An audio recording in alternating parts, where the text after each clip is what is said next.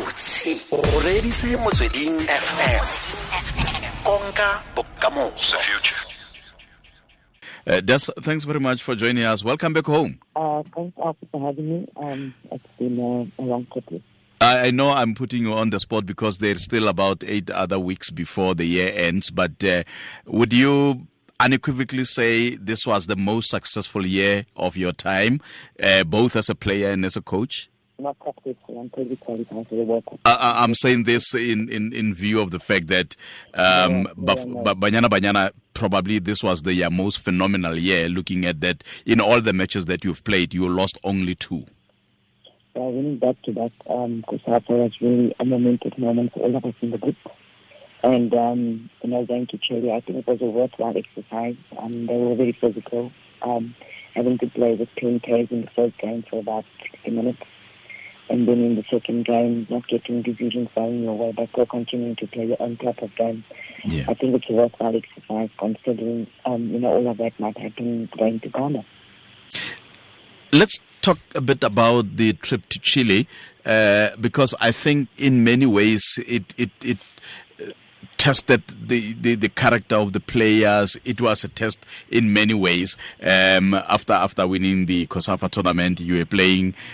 In against the team with a different mentality, in a different environment, in a different um, uh, weather pattern, uh, even even in a different language, so to speak. There were there were so many other things, but you should be very pleased that uh, you you lost the first match via the second goal being a penalty, and you so much held your own against against uh, in in the second match against the much fancied South American team that in their own they are ranked among the best in the world. Um, they've qualified for the World Cup already. Um, recently played two friendlies against the USA. So Yeah. They were worthy, worthy opponents. A little physical as well, but also likes to play the ball around. Um, you know, so similar to Ghana, similar to Nigeria, similar to Cameroon. And uh, the time difference, five hours, be- um, uh, five hours behind. So that was a bit difficult for me. So I can, I can imagine what the players felt like in the last game being at 10 o'clock in the evening you know, um, that was also difficult, but I think the exercise was very worthwhile. As I said earlier, going behind after 38 minutes, um, 1-0 and a player down. We came back really, really well, but conceded poorly. But um, the second game, we looked at the analysis of the team in the second game. we had planned really, really well and scored two goals in open plays. Um, conceded some two set pieces again, but uh, decisions not going our way, um, the, the critical ones really. Um, but, uh, you know, very happy with that. A little concerned about um, conceding at uh, set pieces, but uh, lighting wasn't that fantastic. Um, so we had to deal with a lot of issues like the girls just kept playing. So the mentality, you know, is there, um, the drive is there, the willingness to fight for each other is there, and uh, we just have to improve over the next coming weeks, including our fitness.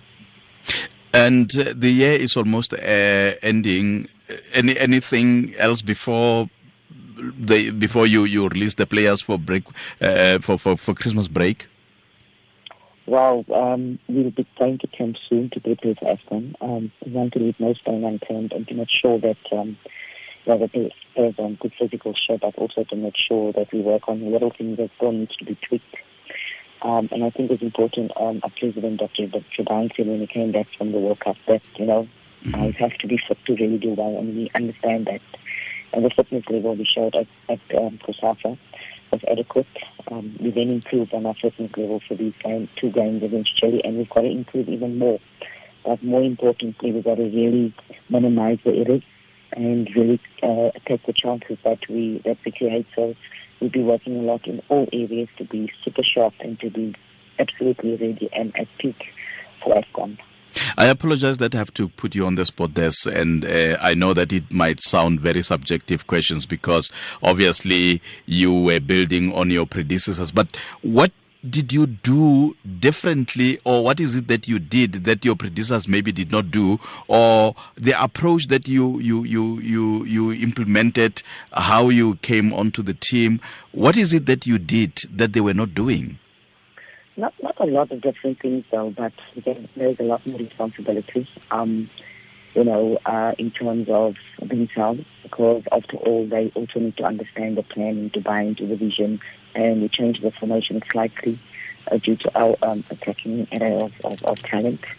Um, but the discipline and uh, that is still there. Um, so, so not a lot really, but as I said, um, you know, I understand the culture, I understand the football, um, and the football philosophy that we that we got now. Um, we, we want to play the ball on the ground. We tried that previously um, mm-hmm. with, with Coach Vera as well. It didn't happen. Uh, maybe the time was too short. I'm not sure. Mm-hmm. So they they put in those building blocks. We defensively we are very very sound. Um, you know, uh, Coach Vera worked a lot on the defense first, and they put that in, and now we can work on the other part, which she maybe didn't really, really have a chance to work on. Um, and it's not the finished article, but, you know, previous coaches have come like uh, Coach Skisha, um, um, Mkhonza, he's put in a part, um, obviously Makalakalane's put in a part, uh, Coach Vera's put in a part, now we're just adding another part.